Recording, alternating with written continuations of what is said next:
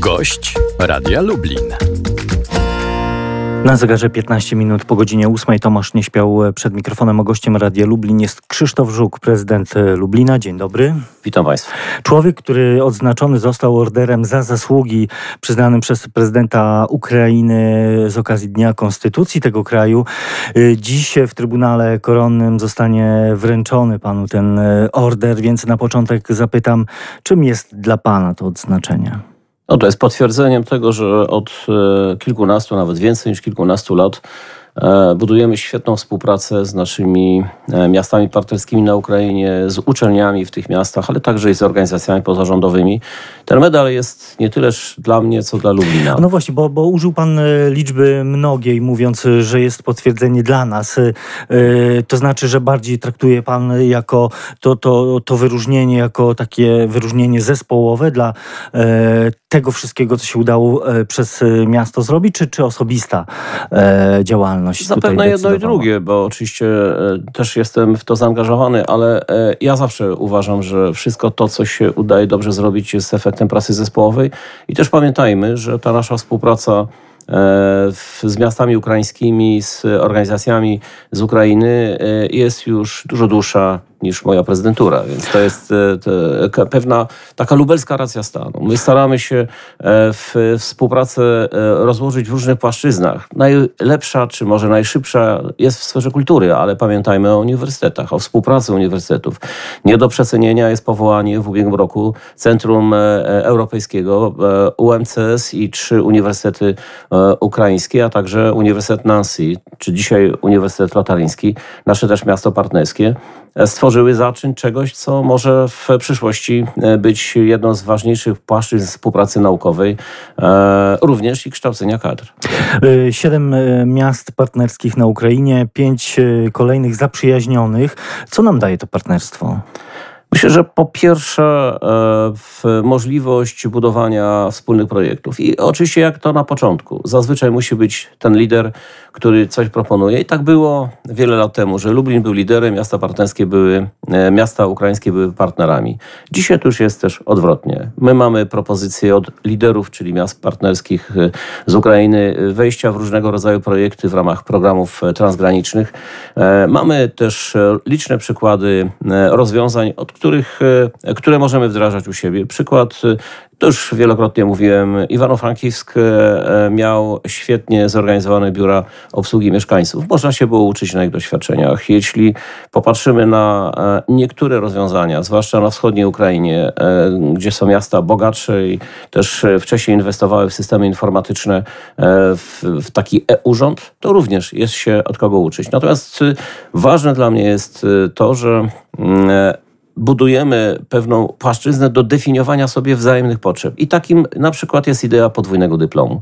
To, że mamy 4000 studentów z Ukrainy na naszych uniwersytetach i wielu z nich e, studiuje również na Ukrainie. To, że nasi e, studenci mogą odbywać tam staże. A pamiętajmy, że to nie tylko piękne miasto historyczne i też akademickie Lwów, ale również Charków, wielkie centrum e, przemysłowe ze znakomitym Uniwersytetem Technicznym.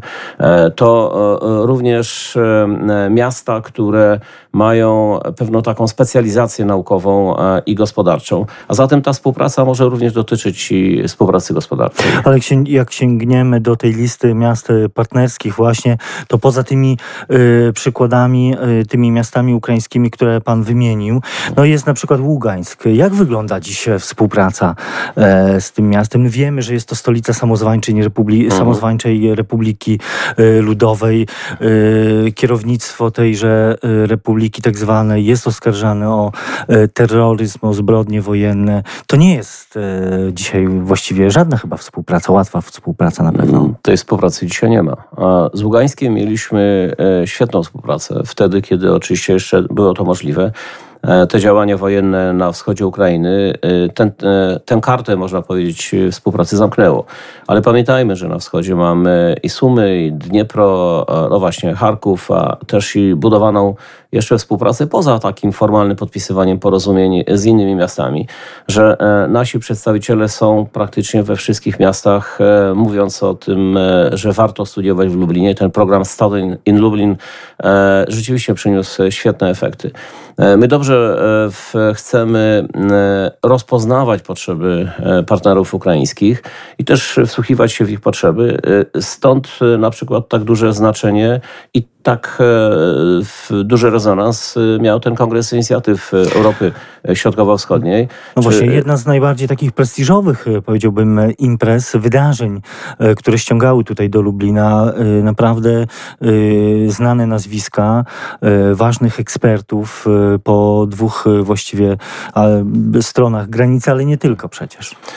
To prawda i to jest właśnie ten przykład budowania Mm, e, współpracy w obszarach, które sobie definiujemy e, przy pomocy nie tylko zresztą ekspertów, ale również i przedstawicieli organizacji pozarządowych czy przedstawicieli znaczy wiadomo, w tym roku miast. przy okazji zapytam, co z e, kongresem, jak on może wyglądać, czy w ogóle Przygotowujemy taki wirtualny kongres. Nie chcemy rezygnować. Jest duże zainteresowanie na wschodzie kontynuacją i będziemy, myślę, niedługo mogli coś więcej powiedzieć.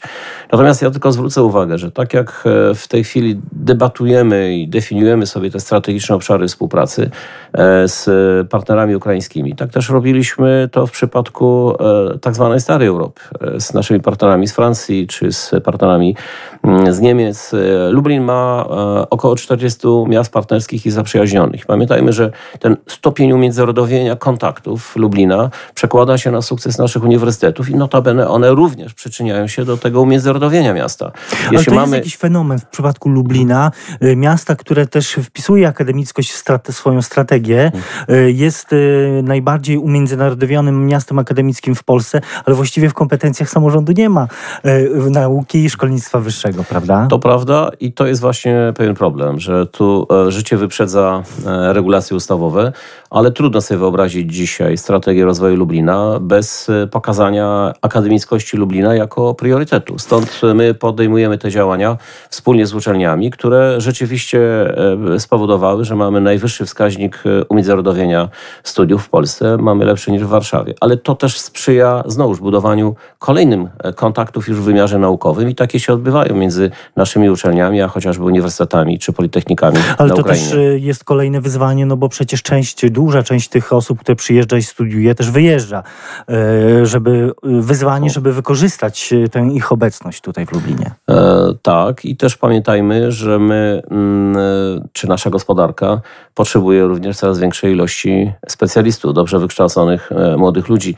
E, tu młodych Ukraińców jest bardzo dużo zatrudnionych w firmach. Zresztą w niektórych firmach, które e, z Ukrainy zostały przeniesione do Lublina, tak jak w sektorze IT ze względu na tę pożogę wojenną, zostały przeniesione całe rodziny. Warto tu też zwrócić uwagę, że mamy tutaj pewną taką oczywistą bliskość kulturową. I młodzi Ukraińcy świetnie się czują w Lublinie. Ja mam ambicje, żeby Lublin był miastem pierwszego wyboru dla nich. Nie Kraków, e, nie, nie, Wrocław, Warszawa, nie, Wrocław. E, nie Gdańsk, nie, nie Warszawa, tylko Lublin i w dużej części tak się też dzieje. A pamiętamy również o takich dramatycznych e, w naszych dziejach. Od żołnierzy Petlury, którzy wspomagali Piłsudskiego i bronili Lwowa, którzy leżą na naszym cmentarzu. E, po oczywiście e, Omijana Kowcza, czyli proboszcza Majdanka, któremu pomnik na jesieni, mam nadzieję, postawimy, e, który był z więźniami do końca, tak jak historia o tym stanowi.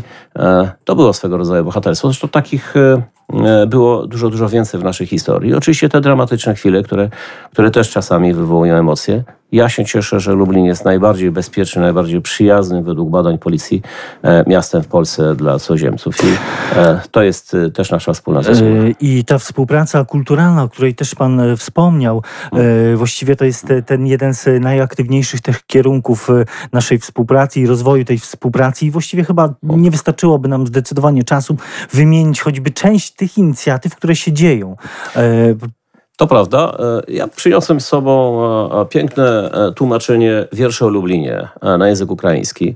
To było stypendium, które na 700-lecie miasta otrzymał znakomity tłumacz ukraiński. Warto wspomnieć lubelski akcent, który ma świetne tłumaczenia i świetną współpracę, jeśli chodzi o literaturę i poezję. Takich przykładów na uniwersytetach jest bardzo dużo. Proszę też przypomnieć sobie, że duże znaczenie miało w tych takich emocjonalnych, wzajemnych relacjach to, że Kul wydał e, Kobziarza e, Szewczenko w języku polskim i ukraińskim.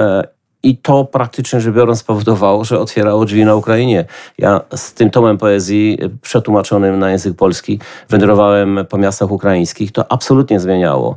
E, można powiedzieć, takie wzajemne relacje zawsze obciążone pewnym e, Mm, no, takim znakiem zapytania, tak? E, e, jakie są intencje? A tu intencje są proste. W kulturze jesteśmy siebie ciekawi. W kulturze chcemy na siebie, siebie nawzajem pokazywać i pokazywać to, co jak gdyby jest też istotą naszej tożsamości polskiej, ukraińskiej, a też i wspólnego dziedzictwa kulturalnego. O tym warto pamiętać i o tym warto przypominać i mówił o tym Krzysztof Żuk, prezydent Lublina, który był gościem Radia Lublin. Bardzo dziękuję. Dziękuję bardzo. Tomasz Nieśpiał, do usłyszenia.